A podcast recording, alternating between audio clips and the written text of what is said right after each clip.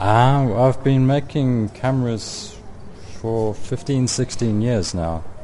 And when I was at college in my first year, the guy came in to show us there's so much more you can experiment with photography than just a camera that you point and shoot with.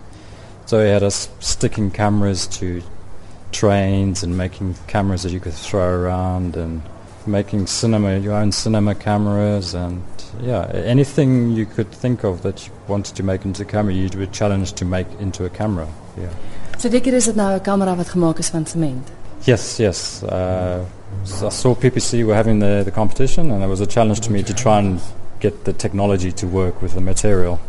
Kan jy dalk gou verduidelik hoe dit werk? Uh, on the front of the camera, there's a, a wheel that you turn, and every 15 degrees that you turn the wheel, it lines up the, the lens with a hole through the camera, and then that will expose onto the back of the onto the paper, which is loaded into the back of the paper.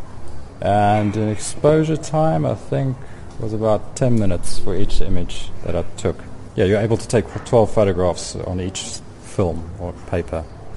Jy het vir my gesê dat jy al baie kameras gemaak het. Was hierdie een vir jou moeilik?